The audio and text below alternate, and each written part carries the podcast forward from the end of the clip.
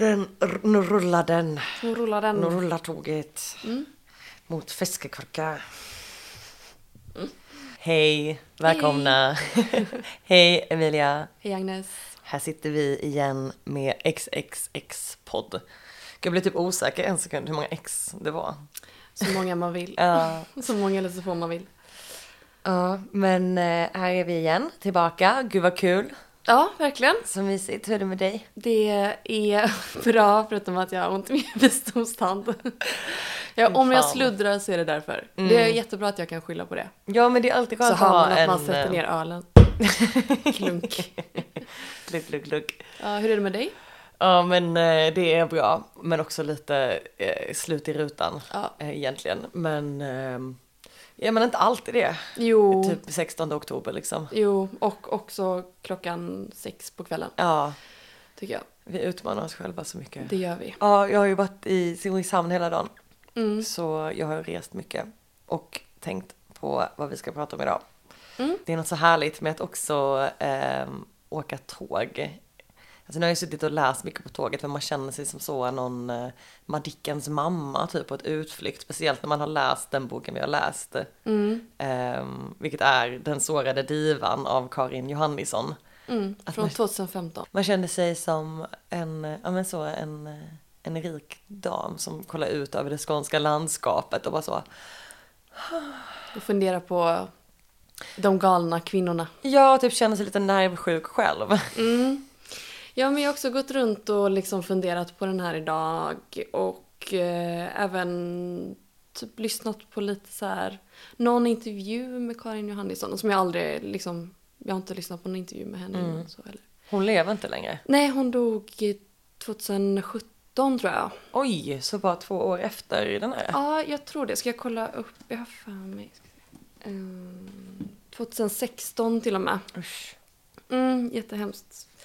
Men vi kan börja med att beskriva Den sårade divan. Det är en bok av Karin Johannisson Mm. som eh, innehåller tre fallstudier i eh, Kvinnosjukdomar kan man nästan kalla det. ja, men psykiatriska Sjukdomar. sjukdomar. Exakt. Det är eh, hysteri, schizofreni och paranoia.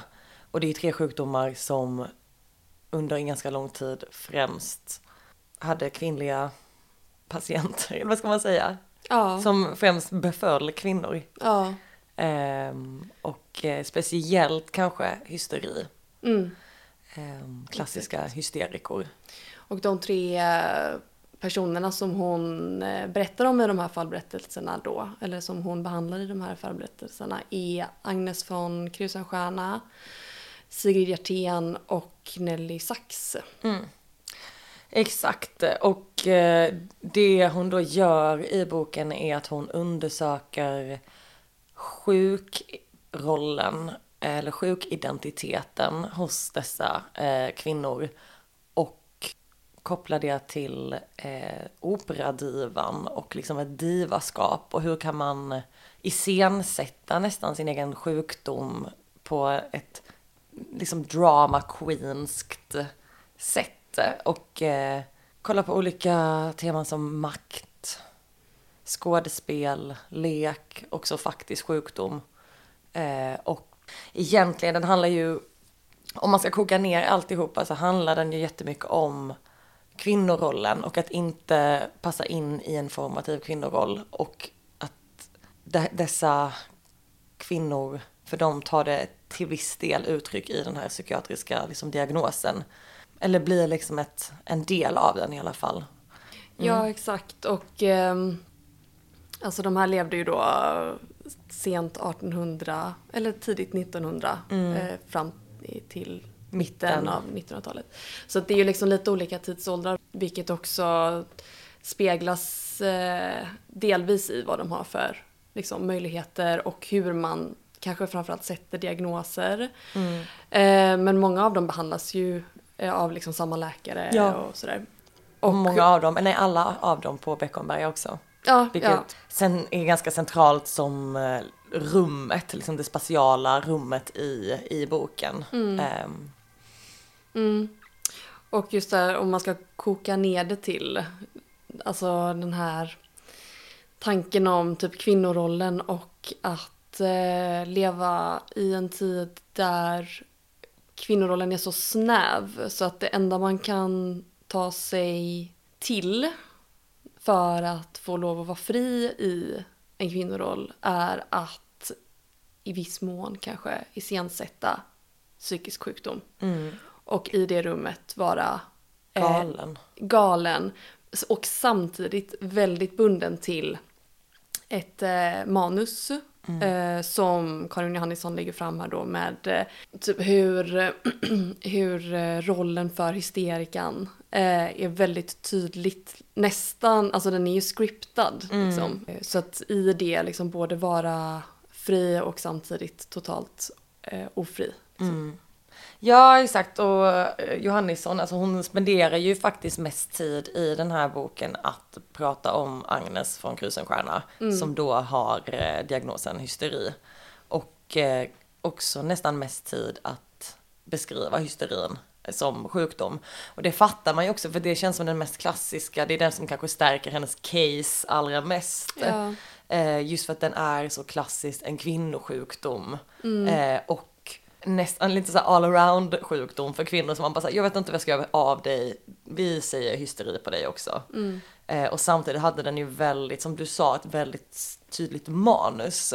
Och att det ser man från de, som, de eh, psykiater som utvecklat diagnosen och som då haft sina sjukhus eh, eh, där de då dokumenterat hur hysteri ser ut och även där är det väldigt skriptat som sen då kommer ut i olika böcker om hysteri, eh, kommer ut fotografier och de ser ut. En viktig del av det är till exempel att kvinnorna är vackra som får hysteri ofta. Och att det är nästan som något att längta efter eh, för en kvinna. Ja, jag fastnade för något citat här just om Agnes von Krusenstjerna då och varför just hysterin. Eh, och att då är det ett citat som är typ Freud hade populariserat hysterin. Alltså det var en revolt mot inlåst kvinnlighet och den svåraste hy- hysterin hävdade han var förknippat med de rikaste och mest särskilda gåvor. Så att just det, det blir ju någonting att liksom längta efter att eh, att i, om man lyckades iscensätta det så blev man ju också speciell i det. Att det var liksom, ja men du har någonting, du är en, en skör och kreativ natur. Typ. Och eh, kvinnor kanske, alltså sköra så ansågs ju kvinnor vara men det, Extra skör. ja men och också någonting som är liksom upphöjt. Just eh, Och med allt som hörde till det som liksom så här, att ha en, en lite uppknäppt vit liksom bomullsskjorta och vilt hår som föll runt dig medan du kastades runt i olika anfall och att det var, ja, men det var en roll på en scen som var redan skriven och som man då kunde få fritt fram att, att spela. Och om man lyckades med det tillräckligt bra så fick man liksom spela primadonnan. Då fick man rollen som primadonnan. Men jag blir ganska förvånad över just hur, eh, i alla fall i början av 1900-talet då, eller i slutet av 1800-talet, hur extremt skriptat den här hysteri-performancen var. Att, eh, för då var, nej men för på La Salpêtrière, där hade man som, alltså öppna scenföreställningar nästan med eh, kvinnor, utvalda kvinnor, hysterikor. Som, De bästa hysterikerna. de bästa hysterikerna. Och där var det just då de vackraste och de som kunde följa skriptet på bäst sätt. Och där var det nästan en så här, först går hon upp i, först blir hon irr, virrig, sen eh, skriker hon, sen går hon upp i brygga. Alltså att det var liksom så här ett, två, tre, fyra. Och det går ju liksom Agnes von K lite emot där då, för att hon och jag tänker att det är därför som eh, Karin Johannisson också lägger mest liksom, tid och eh, sidor på Agnes. För att hon, går ju, hon spelar ju med den här rollen. Och Det är så tydligt att hon liksom uttalat säger men jag, jag låtsas bara och ni måste kunna, ni måste förstå du är inte en värdig läkare om du inte förstår att jag bara driver med dig. Samtidigt Mm. som ju hon ju faktiskt får utbrott, skriker och gör sönder saker, skär sig och alltså Så- Beter sig sjukt. beter sig sjukt. Men samtidigt som de, hon då kommenterar på manuset. Mm. Nu bryter jag manus. Jag vägrar att följa manus. Exakt, och det är väl det som också blir hennes makt i den situationen. För eh, eh, hon har väldigt mycket makt på sjukhuset. Eh, dels i liksom att hon kan bestämma vad hon vill göra, när hon får göra det. Det beskrivs att hon får liksom egna cigarettransoner, hon får mycket mer än vad andra får. Hon får liksom bestämma, och vad nu ska jag rasa ut ett tag så nu vill jag ta oss till den här avdelningen. Eh, hon får gå liksom på permission, hon får, hon får göra väldigt mycket saker som andra inte får.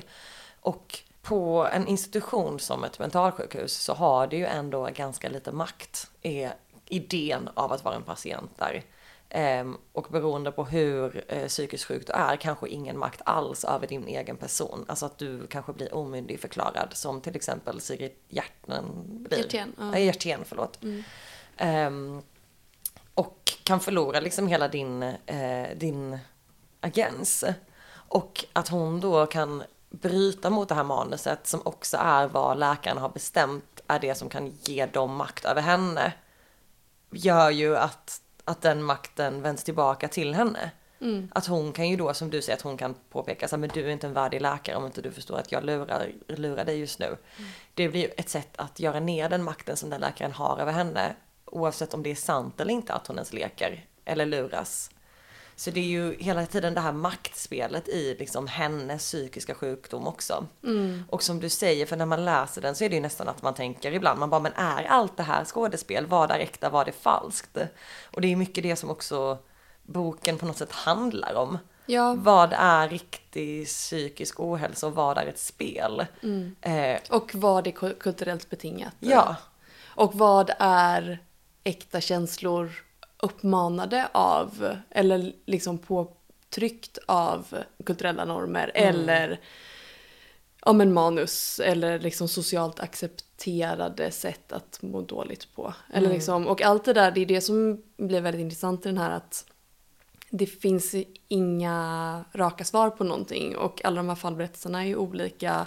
Och även inom, om vi tar då Agnes von K som eh, exempel, så även inom henne så finns det ju såklart vissa rum eller vissa tillfällen när hon har total kontroll och andra rum när hon inte har det. Alltså om man ska förklara vad hennes problem är lite så är det ju från början anledningen till att hon inte liksom passar in i den klassiska kvinnorollen eller kvinnomallen är för att hon typ är väldigt sexuellt utlevande eller med den, den tidens tidens normer. ja, Ja. och då onanist. Och det är... Det låter så äckligt det ordet Det är också. väldigt äckligt. Jag hade inte velat ha liksom vara en onanist. Nej, Det, det, det, känns är lite någonting som är blottare typ. Hellre det är hysterika. Ja. hellre hysterika. Hon har liksom eh, med de termerna då, liksom sexuellt avvikande beteende. Hon är intresserad av sex och Mm. hon gillar att onanera och liksom tillfredsställa sig själv och hon är väldigt ja, men, sexuellt utlevande och vill prova olika grejer. Mm. Och det vet man ju inte vad det drivs utav. Är det, alltså hon försätter ju sig i ganska många farliga sexuella situationer som kanske inte alltid är så bra. Men, och då vet man ju inte vad liksom, drivkraften är bakom det. Är det liksom sexuellt utforskande eller är det eh, en ångest och ett självskadebeteende? Och det kan man ju inte veta. Alltså det kan Nej. inte vi. Man kan inte gå in i någon annans hjärna så. Men eh, i en av hennes tidiga läkarkontakter så blir hon sexuellt utnyttjad av en läkare i liksom ett slutet rum. Det är hennes läkare.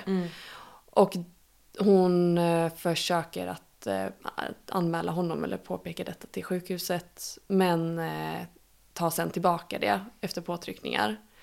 Men det känns väl också som första, hennes första möte med liksom institutionens totala makt. Ja. För då är ju också första gången hon blir inlåst mot, en av de få gångerna hon blir inlåst mot sin egen vilja. Exakt. De flesta andra gångerna är det att hon skriver in sig själv på sjukhuset och där har hon ju i den situationen också makten av att hon kan själv bestämma att nu skriver jag in mig själv. Mm. Men där är det, om jag minns rätt, den läkaren med antagligen medgivande från föräldrar som bestämmer att hon ska låsas in under en viss tid.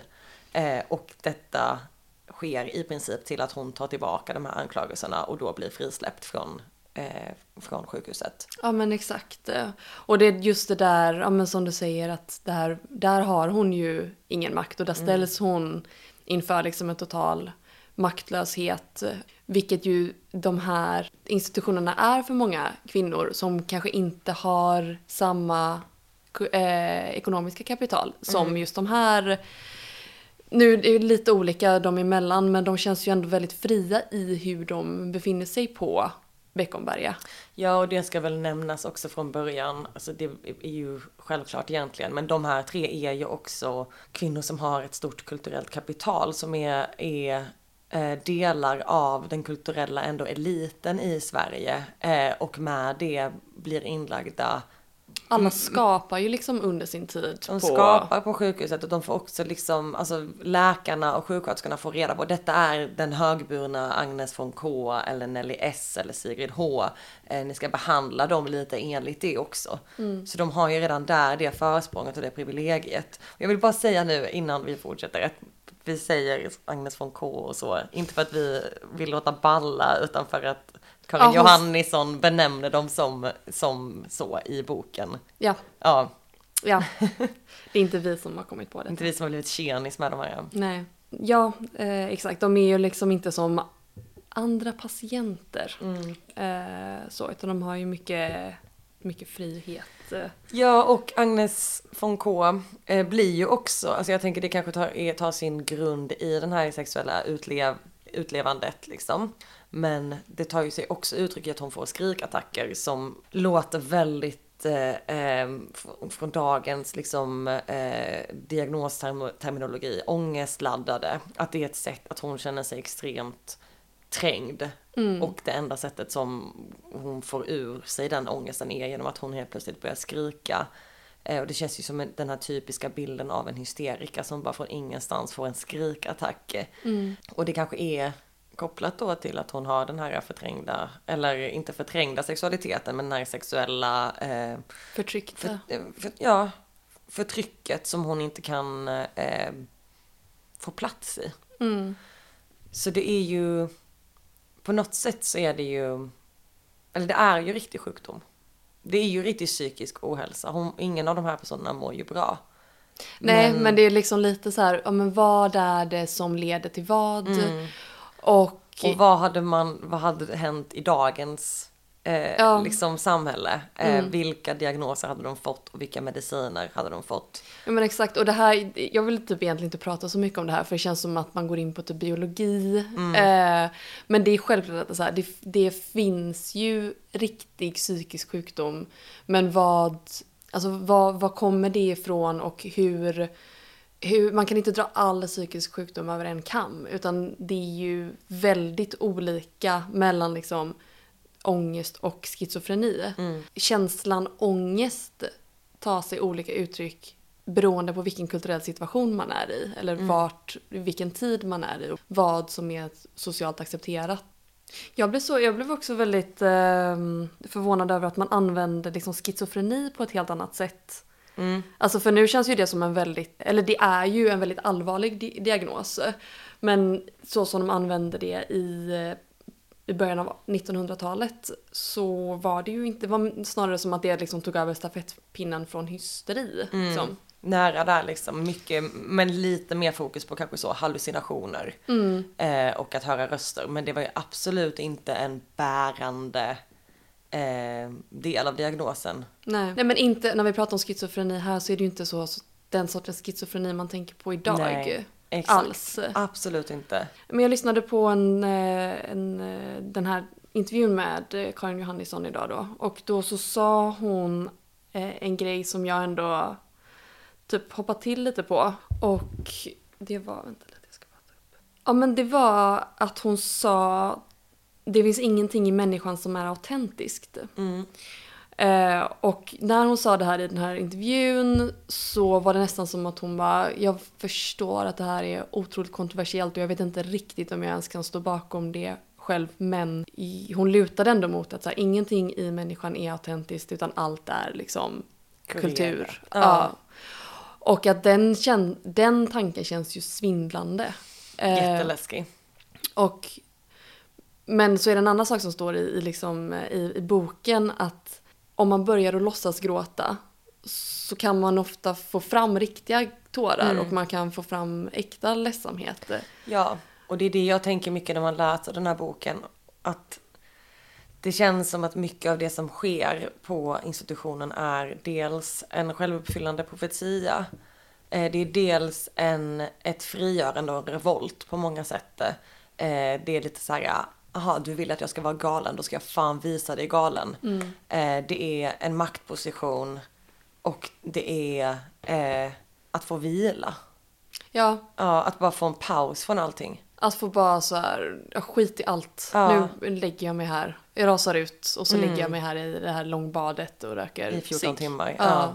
För, eh, ja, men för alla de här egentligen, alla de här tre egentligen. Och kanske särskilt för Nelly Sachs för att hon hade ju då förföljelsemani. Och alltså hon eh, var ju judinna och flydde till eh, Sverige eh, under kriget. Och hade sen, hon, hade liksom, hon satt aldrig i något koncentrationsläger eller så men, eh, men var ju såklart förföljd i eh, Tyskland. Och hon, eh, ja, men hon trodde att nazister var efter henne helt enkelt. Mm. eh, Efter kriget. Och det vet man ju inte heller mycket som var sant av det. Nej. Men för henne så var det en fristad att få komma till Beckomberga. Att få ha liksom skyddande murar runt Mm. sig. Och, och där blir det ju också lite dubbelt i, ska man föda? Alltså för det är inte så, det är inte så KBT-igt att Nej. bara, då stänger vi in det här. Så håller vi. Då låser vi den stora grinden. Exakt. Och här kommer inga nazister in. Ja, nej, men jag fattar vad du menar och samtidigt om det är den enda platsen hon kan slappna av på. Jag tror inte heller det kanske var anledningen till att hon egentligen blev inlåst där heller, utan det var väl för att hon behövde behandlas. Ja, ja. Mm. Eh, men att Men det blir liksom följden av det också, att hon kände sig verkligen som hemma, beskrev liksom sjuksystrarna som sina riktiga syskon och eh, hittade som du säger den här fristaden där. Så det här med att fake en, en lossad gråt blir en riktig gråt. Det tycker jag känns verkligen som ett genomgående tema i det här. Eh, och det för alltså nu, jag är inte så intresserad av att prata om mig själv så mycket, men det är svårt, eller i alla fall för min del att läsa den här. Jag blir liksom lite rädd nästan när jag läser den. Inte för att det är så att jag bara, det här är jag, men att jag kan känna igen mig så mycket i vissa delar av den. Och just därför tycker jag också så synd om, och kanske allra främst Agnes, min namne. Ehm, för att det är som att jag förstår henne på, på ett sånt läskigt sätt. Men i det här att, eh, man, är- att känslan av att typ föda fram någonting. Alltså jag, kan, jag har haft den tanken, det tror jag många har som, alltså jag har haft, eh, ehm, vad heter det, gadd och depression. Och den tanken typ så här, har, har jag typ gett mig det här själv? Ja. Eh, har jag typ bara tänkt så här, tänk om jag blir deprimerad, det här kanske är lite depression, det här kanske är lite ångest. Och sedan bara fött den tanken mer och mer tills det blev sanning. Och jag led av det i eh, något år. Ja, nej men jag har också tänkt samma tanke för egen del, inte just om den grejen men Mm. om andra saker. Och så här, har jag fött min sjukdom? Och det kanske man har gjort men känslorna är ju fortfarande sanna sen när man är där. Mm. Alltså när man är i, i eh, den känslan så finns det ju, det går ju inte att ta sig, för det är ju det som blir just med de här beskrivningarna, beskrivningarna av Agnes von K. Att hon verkar så kunna switcha så lätt. Och kanske att, ja, fast i och för sig, det kanske man har kunnat. Jag vet inte, men för det känns bara som att när man är i den känslan, så även om man har liksom fött den själv så är ju känslan så sann. Så att då går det inte att ta sig ut ur den. Liksom. De är fångade i den känslan. Även om den är fabricerad från början. Och man har gjort sig själv till sin egen fånge på något sätt. Och jag kan också känna igen mig i, i, mycket av det här, ehm, i, kanske mer så här i, jo men kanske i diva, primadonnan, operadivan. Att jag kan känna igen mig i det, att jag är en person som har väldigt, jag är väldigt stor i det jag känner. Jag är kanske störst i det jag känner. inte i världen men i hur jag uttrycker det menar jag. Eh, att jag känner, om jag känner kärlek känner jag den största kärleken, om jag känner ledsamhet känner jag den största ledsamheten, sorgen, ångesten. Det ska alltid dras på de största växlarna hos mig. Och att det känns väldigt kompatibelt med det här divaskapet. Eller att spela divan, den sårade divan. Att det, det är nästan som att jag kan se framför mig hur jag lutar mig tillbaka och lägger en, liksom, en handrygg på min panna och utstryk, utstöter en suck. Så är jag även bakom eh, lyckta dörrar i mitt eget hem. Men att jag nästan, jag vet inte, förstått att det kan vara lite problematiskt nu. Ja, men är det inte, men då är det ju dina, det är ju ingenting som du har skapat, det är ju dina känslor som du, eller? Ja, det tänker jag. Alltså, men där vet man ju inte heller vad är sant, vad är falskt, vad har jag skapat, vad har jag sett för film som, Exakt, som har nästan, inspirerat mig. Det är nästan som att man sätter, jag har liksom försökt att komma ifrån det här mycket, typ på senaste, eller liksom de senaste åren, men det är nästan som att man när man blir tonåring så sätter man manus för sig själv. Och bara jag är så här när jag är ledsen. Mm. Då gör jag på det här sättet. Och så, ja då är man väl liksom inspirerad av någon eller man ser hur någon annan uttrycker sig. Och så tar man det och så är man den personen. Ja. Och sen så blir det ju ens identitet, eller det- det blir ju ens känsloliv sen. Ja, ja men lite så. Att, och, och där i tonåren så är ju ofta känslorna så himla himla stora. Ja. Men alla känner inte heller så här. Nej, och det jag tänker också, för det är ju lätt då att liksom tänka på så här, men vad har man för eh, omgivning? Och om man har till exempel en familj som uppmuntrar att man visar sina känslor eh, så kanske man liksom Om man har en KBT-terapeut som mor Ja. till exempel. Då kanske man liksom visar sina känslor på ett sätt. Men har man en familj där man är liksom tvungen till att förtrycka sina känslor eller hålla sig liksom lugn så kanske man uttrycker det. ja. Ja. Ja exakt och där känner jag mig också, kan också känna igen mig i det här divaskapet. Det blev väldigt blottande ändå. Men eh, i att man ser sig själv utifrån. Man har den här utifrån blicken på sin sorg och sin ledsamhet och sin ångest. Eh, som till exempel att jag, och det här vet jag att många andra gör också. Du behöver inte ursäkta dig. Nej men jag vill ändå eh, Det vill säga att du inte är I unik. see, I see you all my sisters out there and brothers. Eh, att man tar bilder på sig själv när man gråter. Mm. Eh, det gör jag i princip alltid Mhm. när jag gråter. Så ibland tar jag ingen bild men jag tar i alla fall upp kameran och tittar på mig själv. Mhm. Eller ställer mig framför en spegel. Jag vill se min sorg utifrån. Mm. Och det känns ju väldigt eh, iscensättande av någonting. Eller att man vill ha den här utifrån blicken. Nästan så här, jag vill vara vacker när jag gråter. Mm. Men du kanske är vacker när du gråter då? För Men jag... det, alltså det är ju ofta, ibland är det ju, är, ja, nej, jag vet inte om jag är så jävla vacker när jag gråter. Nej, men, ja. Men det blir ju att man, det är en pås man skapar. Alltså det är ju, när jag gråter så tänker jag tänker så här, jag undrar om jag ser vacker ut nu. Mm. Jag fattar, eh, jag fattar vad du menar. Mm. Och för min egen del så innan jag, alltså innan för några år sedan så tog jag aldrig några bilder på mig själv när jag grät. Men sen när det blev så populärt på sociala medier att folk typ la upp bilder på när de gråter. Mm. Eh, eller typ att eh, du kunde skicka någon bild på när du grät. Ja. Eller typ, och då blir det ju att jag så här, någon gång om man pratar att bara, ja men jag skickar också en bild på när jag Ja. gråter. Och att då, ja men då börjar jag kanske göra det lite. Men jag har liksom, det har jag ju slutat med. För att för mig finns det liksom inget inneboende behov av att se, jag tycker ju att jag ser fruktansvärd ut när jag gråter. Alltså jag, Man gör ju oftast det. och jag blir helt chockad av, alltså jag... Nej men jag vill nästan inte ha typ en spegelbild. Utan jag är bara, ja men jag vill typ inte att... Nu, jag tänkte säga någonting nu men jag vet inte om det är sant eller om jag bara ska ställa, alltså om jag bara säger det för att ställa mig i opposition till dig. Men att, ja, men jag vill inte bli sedd alls. Men jag vet inte om det är helt sant heller. Men för jag är nog, jag vet inte. Jag brukar kanske dra mig undan lite mer när jag är ledsen typ. Och jag tycker att det var väldigt skönt typ när vi började umgås att du kunde ändå vara så här, ja men jag är ledsen eller visa din ledsen, ledsenhet. Och att jag för egen del tyckte att det kändes liksom inte inspirerande, men tryggt för att det betyder att då kan jag också göra det. Eh, och sen så kanske inte jag gör det lika ofta, men jag vet att jag kan det om jag behöver det. Men det handlar kanske mer om att jag vill förmedla att så här, jag är inte okej nu. Mer än typ en bild utav mig. Mm. Om det makes sense. En, alltså en faktisk bild. En faktisk, Ja. en fa- alltså, ja, inte en faktisk bild utan mer förmedla känslorna jag känner. Mm. Men vad fint att jag fått, fått dig att känna så. Ja, men verkligen. Ja. Jag tror också, jag kommer att tänka på det nu, men jag tror också, alltså dels det här med att ta en bild av sig själv när man gråter. Att det dels kanske är det här äh, behovet av att, eller ja men behovet av att se sig själv utifrån. Och på ett sätt att bekräfta att man är ledsen. Att det blir så tydligt, det är nästan. Det syns på utsidan. Ja, och det är nästan att det snuddar på att förnedra sig själv. Just som du säger, det här med att man bara är, man, man tänker att man är vacker, man tar upp kameran, man är pissful. Och man bara tar en bild på det. Och Gråter ännu mer. ja, men gråter ännu mer. Men bekräftar att man, att man är ledsen och att typ, ja men verkligheten var inte, var inte så skön som jag trodde och det här är inte jättekul.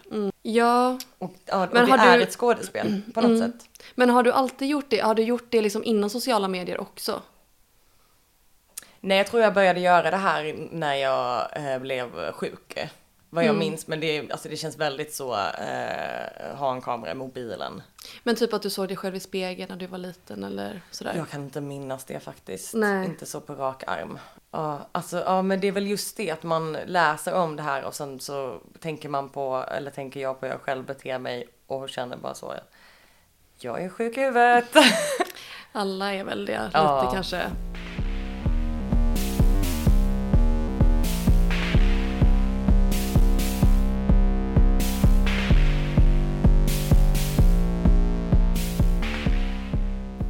Ja, nej, men jag har tänkt på eh, Linda Boström Knausgård och hon eh, var ju då tillsammans med Karl Ove Knausgård. Eh, de har fyra barn tillsammans och i och med hans liksom min kamp-svit så går han väldigt liksom, detaljerat in i sitt eget liv och självklart då också in i Linda Boström Knausgårds liv.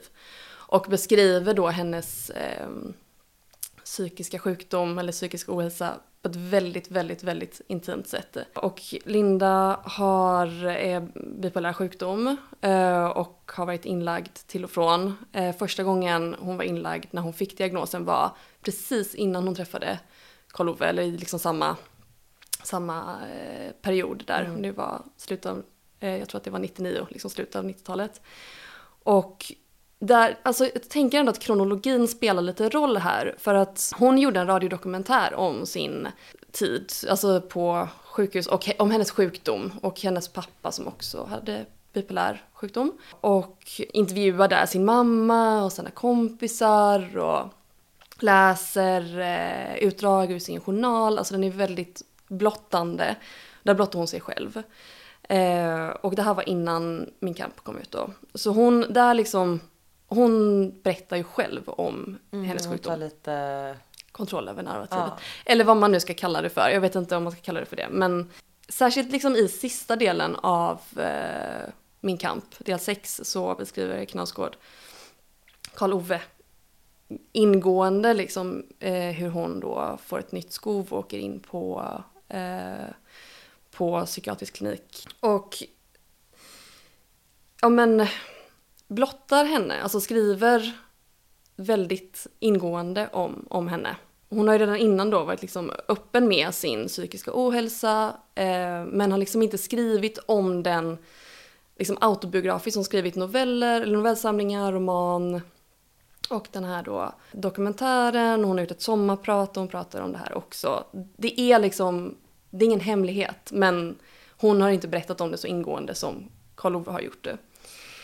Och när de skilde sig 2016 så gick hon ut och försvarade hans konstnärliga rätt att som författare skriva om hennes liv. Och säger i en intervju i DN vi är fortfarande vänner och viktiga samtalspartners för varandra. Han är den som känner mig bäst i världen. Vi delar allt vad det innebär att vara föräldrar. Och sedan vet jag inte, livet är stort och jag kan inte se utsträckningen av det som sker. Mer än så kan jag inte säga. Då säger den här intervju, eh, eller journalisten i DN, eh, Jag frågar hur det varit för henne att läsa om sitt liv på det sättet. Och det här är då 2016, precis när de har gjort slut då. Eh, att svara på det i en tidning känns som minerad mark. Ibland har det gjort fruktansvärt ont, men så länge texten känns sann ur hans perspektiv. För även när han skriver om andra handlar det om honom, så är det okej. Okay. Och det är fantastisk litteratur. Karl Ove är inte korrumperad. Han har ett rent hjärta. Och hon har liksom innan detta också sagt att det var viktigt att hon var först. Mm. Alltså att hon beskrev sig själv innan han började skriva om henne. Uh, ja men att det har varit en, en viktig aspekt av det här. Och som sagt hon har skrivit liksom böcker som har behandlat ämnet och de här novellerna. Uh, men det är först med Oktoberbarn som kommer ut 2019 som hon verkligen liksom skriver om sig själv. Om författaren som är på sluten psykiatrisk avdelning mellan 2013 eh, och 2017. Mm. Och får elchocker. Och hon beskriver liksom då själv det som Karl Ove Knausgård redan har beskrivit i sina böcker. I samband med att eh, Oktoberbarn kom ut och hon intervjuades om detta började även liksom det här perspektivet på hans skrivande att ändras. Från, för henne själv? Från hennes perspektiv. Eh, och när boken skulle komma ut på engelska så intervjuades hon i The Guardian och det blev ganska stort då när det här, den här intervjun kom ut. Eh, och hon bodde i London då, eh, eller hon gör det nu. Och i den här intervjun så får hon frågan om hur det känns, återigen då, att ha blivit skriven, beskriven i min kampböckerna. Nu kommer jag läsa på engelska, jag ber om ursäkt men... I have made my peace with the books now, but in reality I was so angry about what he wrote, she says. As a writer, I respect his right to use his own life as material, and objectively, I thought the books were very good. But on a personal level, I was really angry about the way he looked at me. His view of me was so limited. He saw only what he wanted to see. It was as if he didn't know me at all.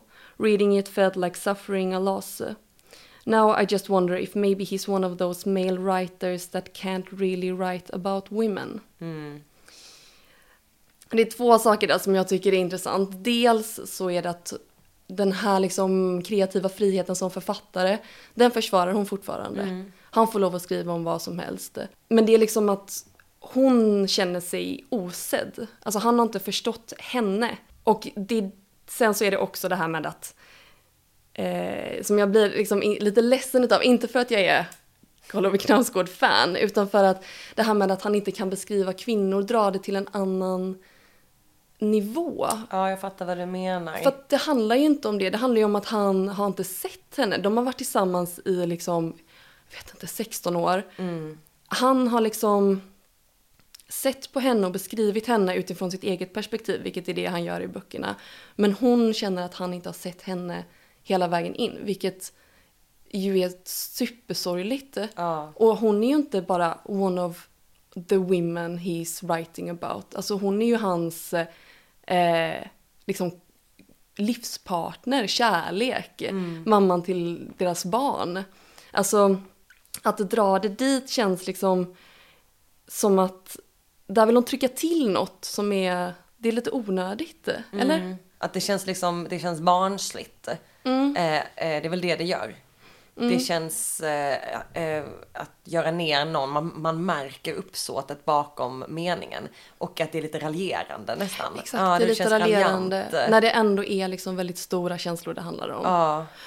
Hon säger också längre ner i intervjun att, eh, eller först så funderar intervjuaren lite liksom så här Hum, hum, hum. Does it feel good to be able to put her own spin on things for a change? For instance, Knausgård wrote that the couple agreed to separate. In October Child, Boström says it was his decision. Sen, säger, sen så ett citat då. Setting the scores was not really my intention. What I set out to do was write a good book. I wasn't interested in giving my point of view on what Carl Ove wrote about, she says. I found myself one day just writing the first 20 pages, and as I wrote, I found, found this very raw language of my own, this sort of dark humor, and also this horror. Uh, but it wasn't supposed to be a diary uh, of the end of our marriage. Och sen så avslutar hon intervjun med Most of all, I would like to be seen as a person and an author in my own right. For such a long time, when people saw me, they would just think, oh yeah, Karl Ove, and oh yeah, bipolar. I'd like that to change. Och här blir det lite dubbelt för att genom att själv skriva om sin sjukdom så tar hon ju kontroll över narrativet och över sig själv och bilden av sig själv. Även om hon säger att det inte är det som är meningen. Eller hon liksom ger i alla fall en ny bild, sin egen bild av sig själv. Oavsett om det är för att sätta score. Eh, Och hon som författare skriver om sina egna erfarenheter, hon skriver stor litteratur, hon behandlar språket varsamt och på ett unikt sätt. Och hon är liksom genom det verkligen en author in her own right. Men samtidigt så blir det ju, yeah, bipolar. Ja, det förstärker det också i och med att det är det hon skriver om ändå. Ja, det är ju det hon och då beskriver. kommer man ut ur det i så fall. Ja, Ja. ja, och det är ju liksom det som är... Om man har... Och hon gjorde den här dokumentären 2005 tror jag. Mm.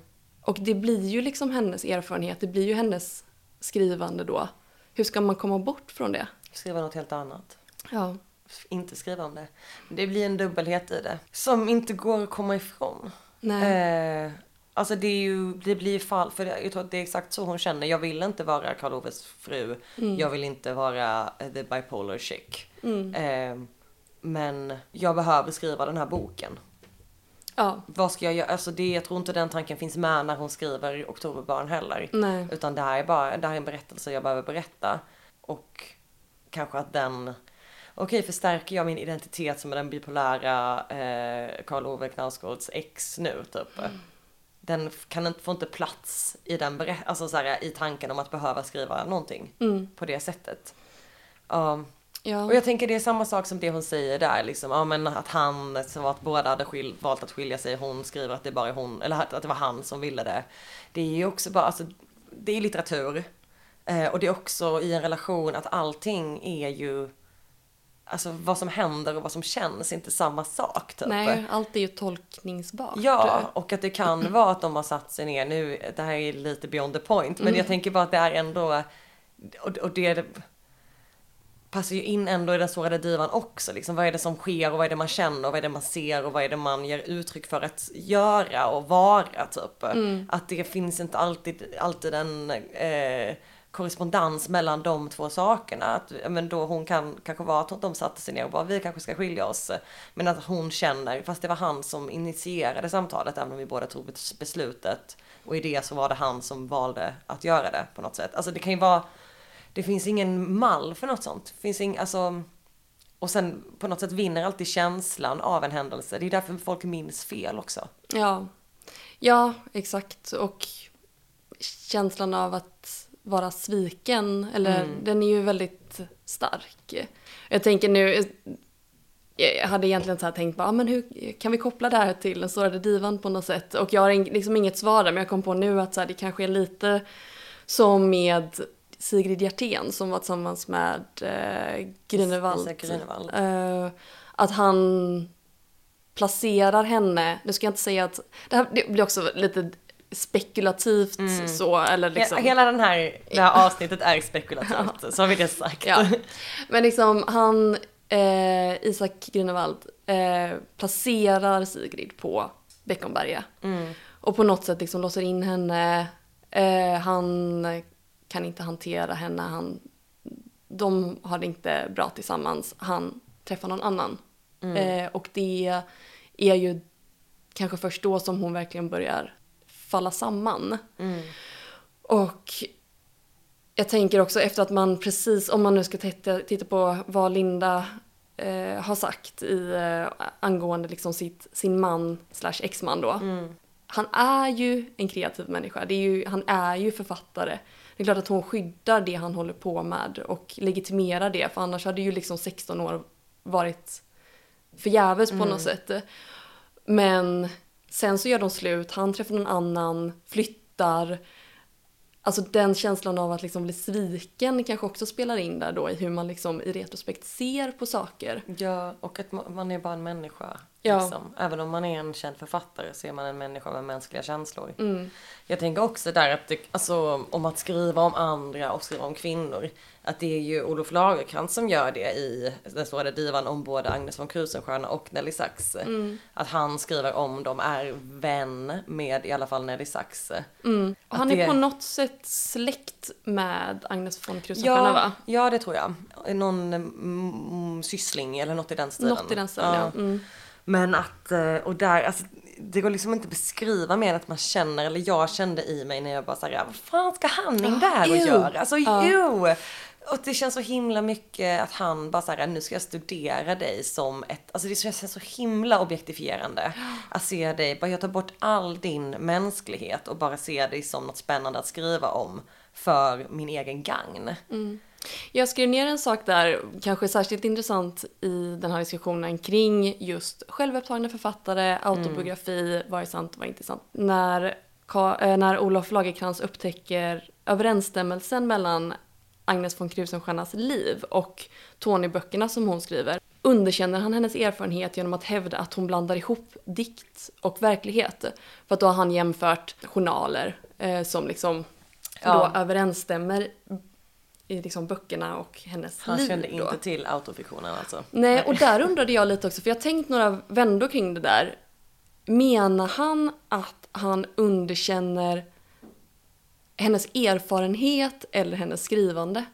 För det kan ju också vara att han just tänker att hon fabricerar sitt liv. Mm. Har du läst eh, Nej, jag har bläddrat lite i de här Tony-böckerna men inte, inte läst det. Nej. Jag har inte heller läst. Blev sugen. Mm, Men- Jag har, eh, det är tre böcker, jag har ettan och trean hemma för jag hittade dem Perfekt. på öppen famn. Yes. Men Men, de jag han- vet inte, alltså det jag rent eh, instinktivt känner är det ju att han underkänner att hon överdriver. Mm. Eh, och, men det, jag vet ju inte det i och med att jag inte läst böckerna heller. Men också kanske att... För min första tanke var att han underkände böckerna för att du får inte lov att skriva om någonting som är din egen erfarenhet. Mm. Att, aha, är Tony-böckerna bara en, eh, en carbonkopia på din journal? Eller då, liksom ja, då är inte det eh, litteratur. Nej. Så kan det ju verkligen vara också.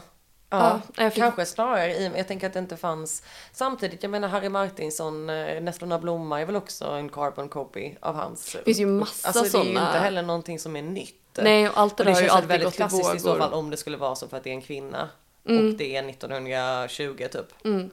Så man är inte så förvånad i så fall heller men Ja, Kan man koppla samman det med burlesk på något sätt? det ska vi se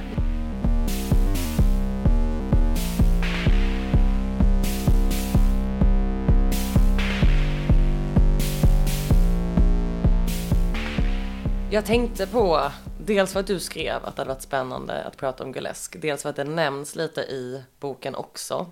Eh, som en slags teoribildning som hade kunnat användas för att tolka lite eh, det här liksom den sårade diva-fenomenet. Eh, för det är ju någonting, och jag kommer gå in på lite vad Gulesk är. Men det är ju idén om det vackra och det galna. Eh, och leken och galenskapen, maskeraden och galenskapen som är väldigt guleskt. Jag har skrivit hysteri är lika med en vacker sjukdom? Frågetecken. En gulesk sjukdom? Frågetecken. Um, vad är liksom, vad är galenskapens gräns? Vad är hanterbart och kan definieras under sårbarhetens estetik? Och kanske den kvinnligaste av estetiker. Och när blir det till en kvinnlig grotesk? För det finns någonting som heter gulesk, en teoribildning. Och sen finns det också någonting som heter den kvinnliga grotesken. Och det är främst skapat av en författare eh, och akademiker som heter Mary Rousseau.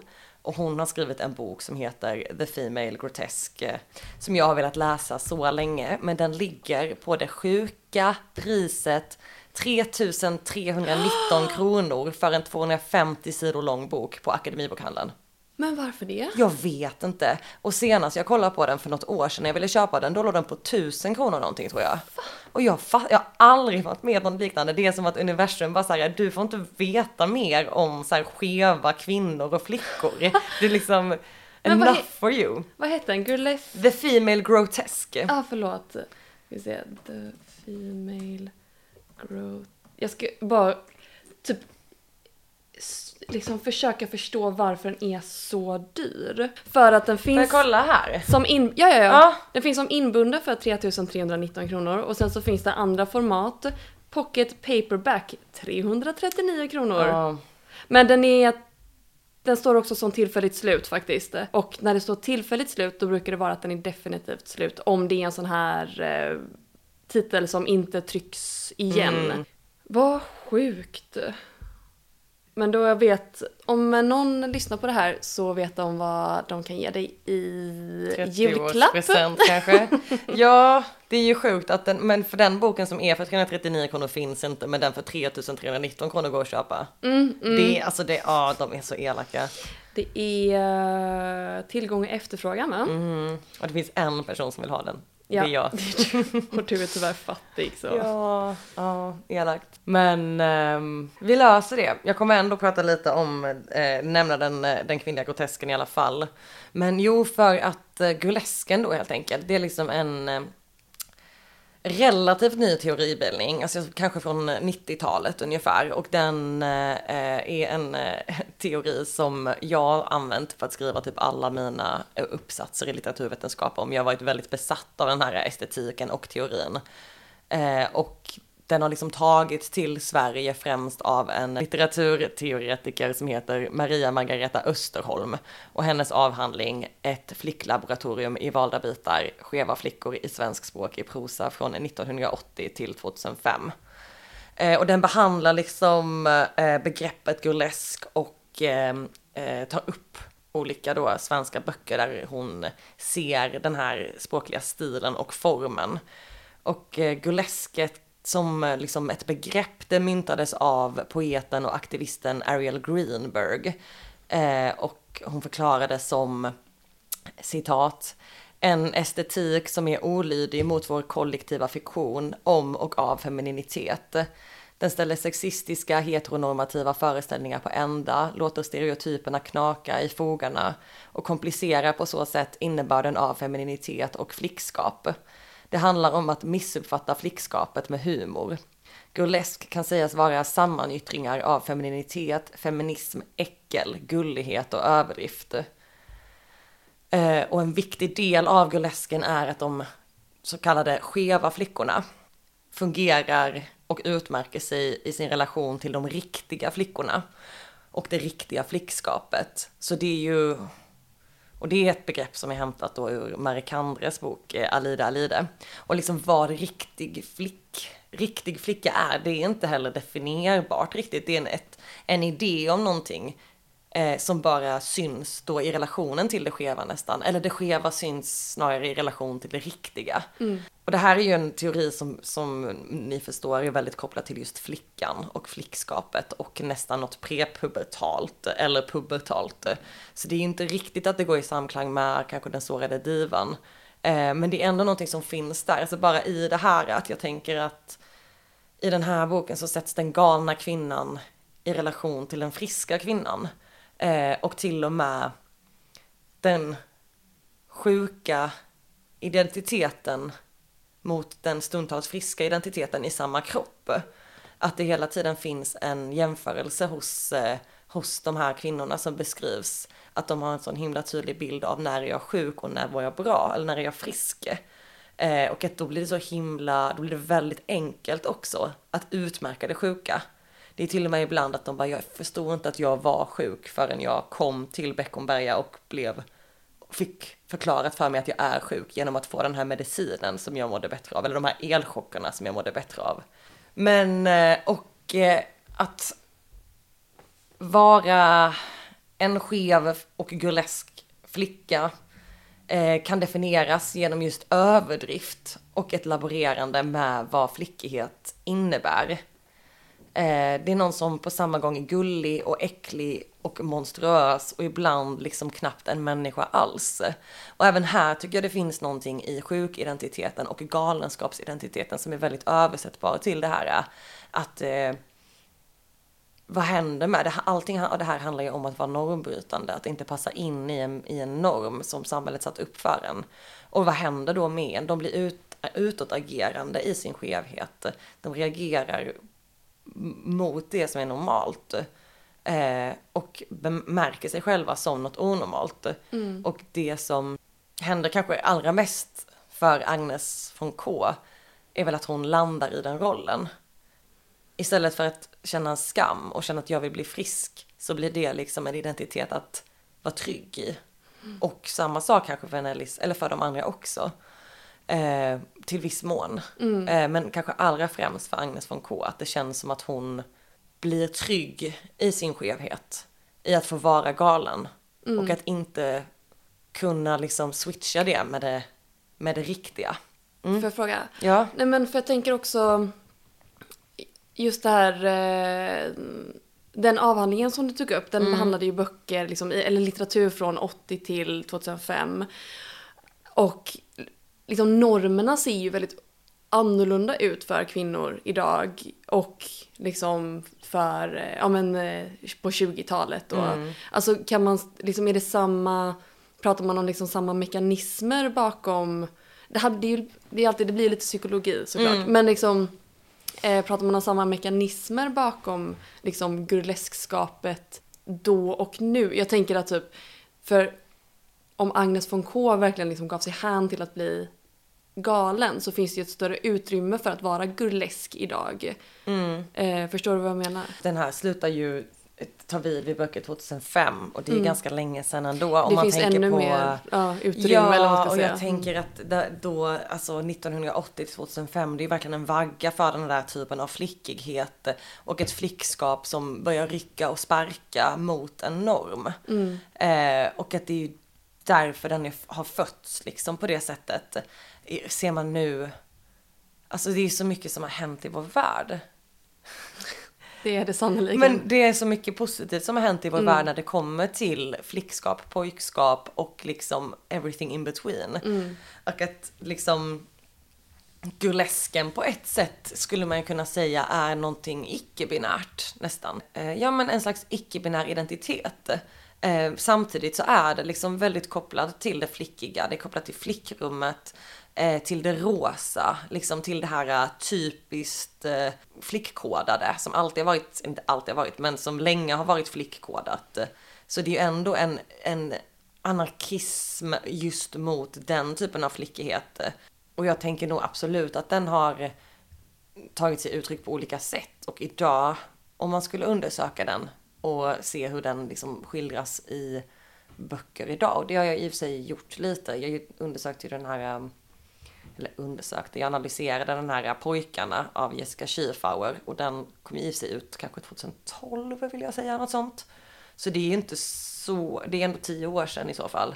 Mm. Men där har vi ju redan en mycket starkare liksom transidentitet och ett liksom glidande eh, könsspektra som den eh, iscensätter liksom. Mm. Eh, som också verkligen kan tolkas som burleskt. Mm. Men det är fortfarande inte liksom det könsöverskridande som i att man att de här flickorna vill bli eh, män. Nej. Utan det är ju att använda det flickiga, som jag förstår det, använda det flickiga och typ kasta om det eller liksom göra det. Ja exakt och det är ju en, en, eh, en som sagt det är ju ett, en, ett tolkningsverktyg och en teori. Så det är mm. ofta inte att böcker, alltså man tänker inte att en bok är jag ska skriva en gullesk bok liksom. Utan den, en bok kan tolkas utifrån gullesken. Ja, eh, eller nu tolkar jag de här kvinnorna utifrån en gullesk teori. Mm. Eh, så där är det ju fortfarande eh, alltså flickan som norm. Men det står även att liksom flickan kan vara en pojke. Mm. Så det, den är ju en väldigt tillåtande teori som insuper ett väldigt stort paraply. Jag tänker bara skev i sig, det kommer ju från också till exempel den norska översättningen av homosexuell mm. är ju skave mm. liksom. Och det är ju att man skevar, man skaver, man är emot någonting, normen. Mm. Och att det är liksom exakt som du säger, det är att vara en flicka men att inte vara bekväm i den rollen eller att göra uppror med, mot den. Och att göra upproret kan vara bara till exempel att vara, prata för mycket. Att vara för gapig, mm. eller att vara för tjock Alltså det är liksom att bara vara den du är. Att vara lite ful. Samtidigt som du har på dig väldigt söta kläder. Eh, att det är liksom någonting som i en betraktares ögon skaver. Du är inte den, du är inte den, du är inte en riktig flicka. Och att genom det inte liksom försöka vara en riktig flicka. Mm, eller kanske också försöka. Att Okej. miss, alltså det behöver inte vara, absolut inte att man trivs i, Nej. i det skeva. Det behöver Okej. inte vara en kamp och liksom, jag är en Det är inte skev. ett verktyg Nej. det. Nej.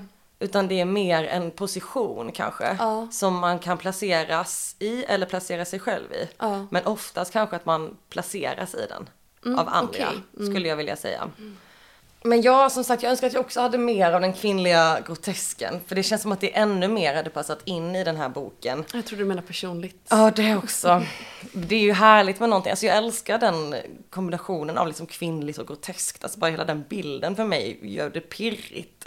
Men är den mer också för vuxna kvinnor då? Eller? Alltså den är ju kopplad mer till kvinn, kvinnligheten vad jag har förstått. Jag har ju inte, som sagt inte kunnat läsa den. Nej. Så jag har bara fått liksom, det jag får ta del av den från är när den liksom citeras av andra.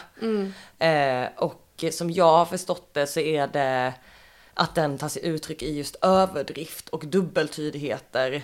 Eh, och kan sammanfattas i frasen att göra ett spektakel av sig själv. Och att den liksom, ja men kanske kan ses som en stora syster till burlesken. Och att det handlar, eller har en ty, kanske en tydligare ko- koppling till en subversiv kroppslighet. Genom att citat, förlora sina gränser, vara för ung, vara för gammal, för stor, gapig eller tyst. Eh, och eh, jag tänker just att i den sårade divan är det också jättemycket liksom den sjuka kroppen som blir subversiv. Som blir, alltså hela den identiteten. Nelly Sachs kropp blir ju väldigt subversiv genom att vara ätstörd till exempel. Eh, där blir det, alltså bara att man ser den så man reagerar på den. man reagerar på den. Sigrid eh, Hjertén blir lobotomerad. Det blir liksom utifrån också subversivt. Ren. Det blir liksom politik rent i sig själv för att det känns så himla, det är så ett så grovt ingrepp att göra. Eh, och Agnes von Ks kropp, den blir liksom subversiv i hur den sprätter. Och, in, och är galen och är liksom Också den sexuella kroppen. och den sexuella kroppen definitivt. Eh, och att där är den ju också för mycket, liksom för sexuell. Och samma sak där med Sigrid Hjertén, att hon går från att ha noll sexuell drift till sin man, till att när han gör slut med henne blir supersexuell och liksom intensivt onanera eh, framför folk och göra det nästan till sin personlighet typ. Och också det här att de liksom, att Agnes von K, hon skär sig, hon kissar i sängen, hon liksom använder sin kropp för att göra ett subversivt motstånd nästan, eller utmärka sig själv som annorlunda, som skev och liksom eh, som sjuk helt enkelt. Och det sista jag tänkte ta upp från liksom burlesken är just platsen. För ett av de viktigaste liksom inslagen, eller en förutsättning snarare för skapandet av burlesk är en plats där du kan utöva skevhet, en ostörd, trygg plats. Det kan vara ett flickrum till exempel, där du leker skeva lekar med dina Barbie-dockor eller med din bästa väninna. Det kan vara en plats i skogen, eller så kan det vara en institution där din skevhet är en förutsättning för att du ens får vara på den här platsen. Där du i trygghet, genom att vara skev och gulesk och galen, att det är din biljett in till den trygga, skeva platsen. Det är också en själv, alltså de föder varandra på något sätt. Det går tillbaka, alltså det är ju den klassiska rumsmetaforen, liksom allt, ända sedan Virginia Woolf, tidigare än dess säkert. Men liksom behovet av ett eget rum, eller en egen plats med andra skeva och och groteska kvinnor.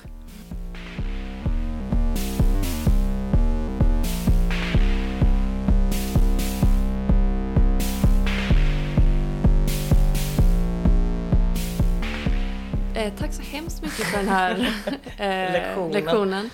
Eh, det är intressant med det här, det här med, med rummet eh, och i det kunna leva ut.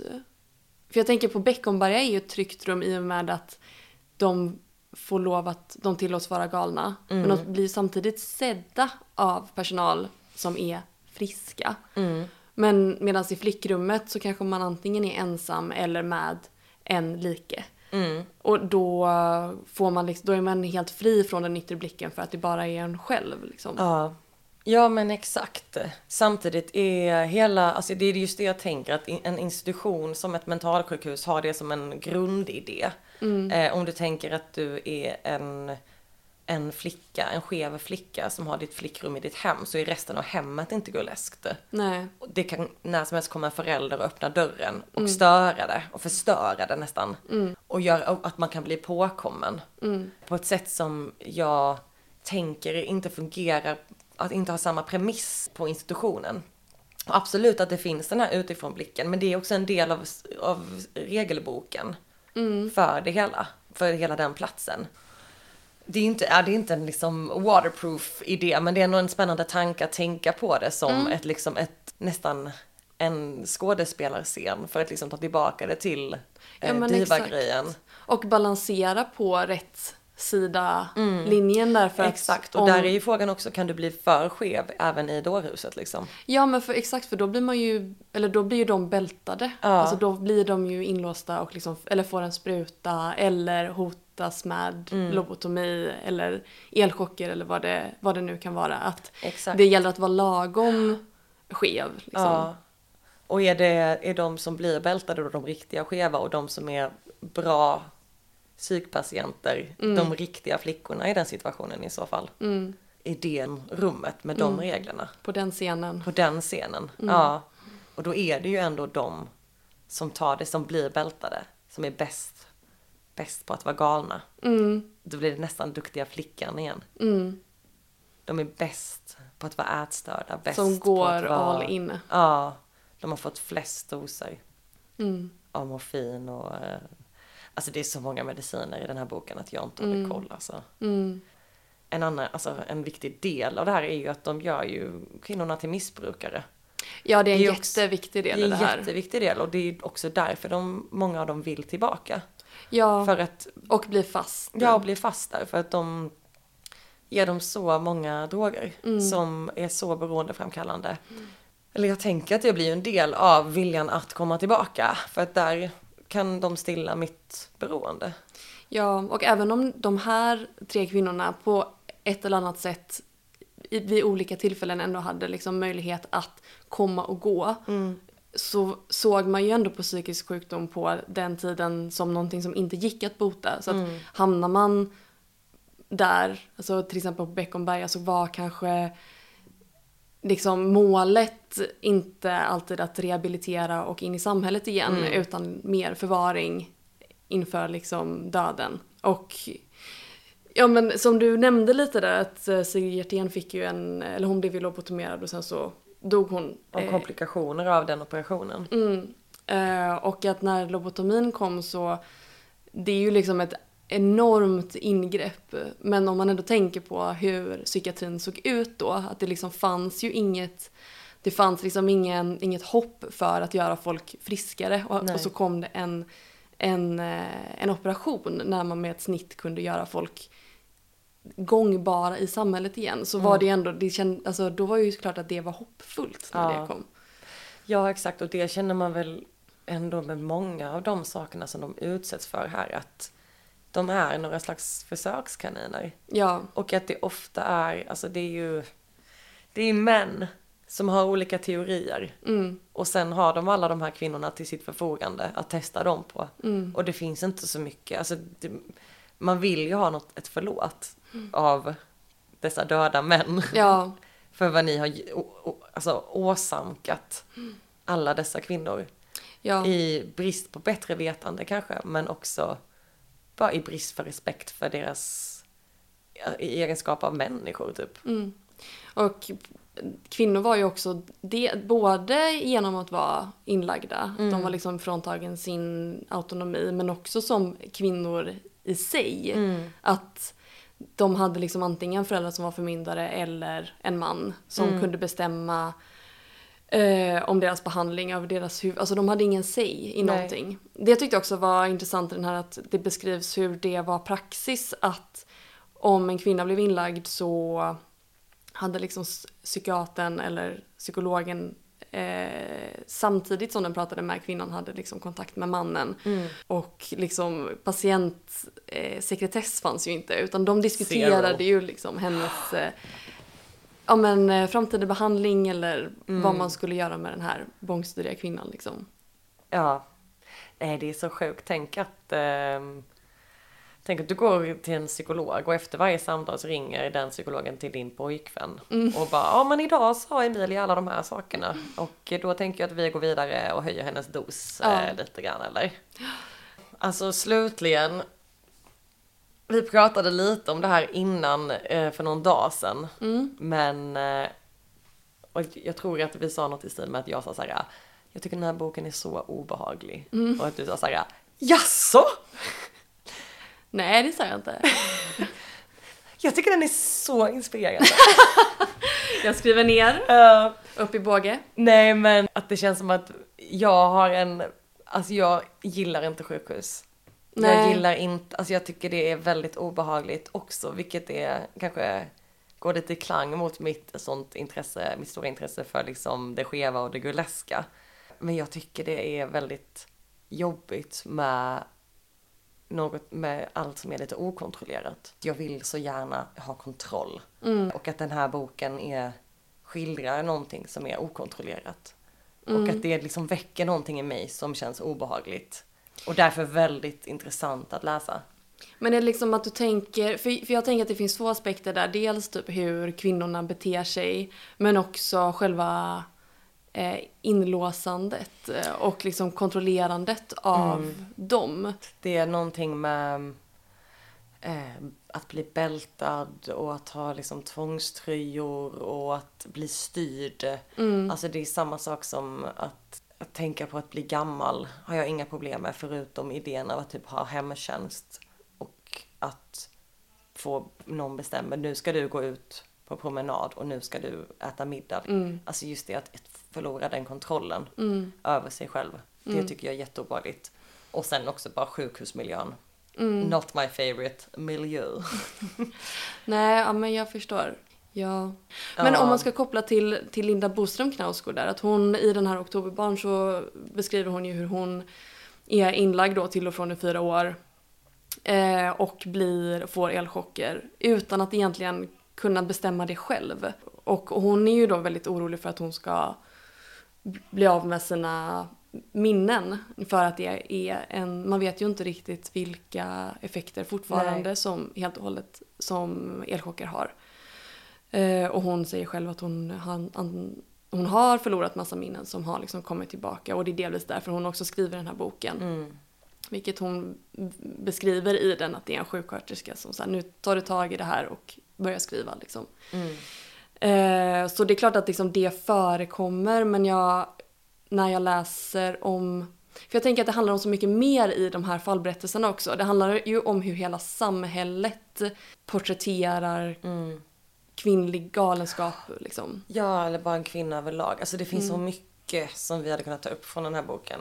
Alltså jag tänker bara till exempel att en ett symptom på hysteri kunde vara att man inte eh, visade sin man tillräckligt mycket uppskattning och inte Ja. ville ta hand om sina barn. Alltså det är Ja. så blatant eh, liksom misogyny och en, en så helt främmande kvinnobild från vad vi har idag. Eh, och också med liksom hur de, som du sa med Linda Boström eh, Knausgård, alltså med elchockerna, de har ju samma diskussioner med att inte ge elchocker till vissa av de här kvinnorna för att de är rädda att det ska skada deras kreativitet. Ja. Så den tanken fanns ju redan där också på det sättet liksom.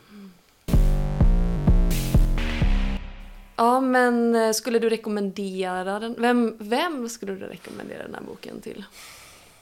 Jag skulle nog rekommendera den till de flesta. Mm. Jag tycker typ aldrig det skadar att påminna sig själv om att det inte var så länge sedan kvinnor inte hade så mycket rättigheter. Typ. Och att vi fortfarande inte helt och hållet har liksom kartlagt eh, det mänskliga psyket. Nej, och inte det på långa tycker jag vägar. är väldigt... På ett sätt tycker jag det är skönt. Mm, jag håller med. Att det är liksom... Det, det är så mycket som avmystifieras i världen och eh, psyket känns som det sista som kommer göra det. Om det ens kommer göra det någonsin. Att det liksom någonstans är skönt att man inte kan eh, ruta in psyket i en mall. Mm. Men eh, jag tänkte också, ska vi säga vilken bok vi tänkte? Vi tänkte läsa motsatsboken till den här nästa gång. Om det är någon som vill eh, eh, läsa den innan och hänga med i vårt Mm, Läsa snack. med oss. Ja. Jag vet inte riktigt när nästa avsnitt blir, men läs, eh, Inom en månad. läs Jack av Ulf Lundell. Ja. Så snart ni bara kan så kan ni följa med i vårt snack nästa gång. Det blir spännande att se vad man plockar ut från den. Ja, för jag har en grolesk analys av den. Jag har aldrig läst något av honom. Det har faktiskt inte jag heller. Nej, det blir spännande. Jag har bara lyssnat på hans otroliga eh, låtar. Eller jag lyssnar bara på eh, Öppna landskap. Ja. Om och om igen. Jag trodde du skulle säga jag lyssnar uteslutande på Ulf Lundell. Ja. Nej, så långt har jag inte gått än. Men kanske efter Jack, vem vet. Mm. Ja, men eh, tack för idag Emilia. Tack för idag, tack för att ni har lyssnat. Hej då! Hej då!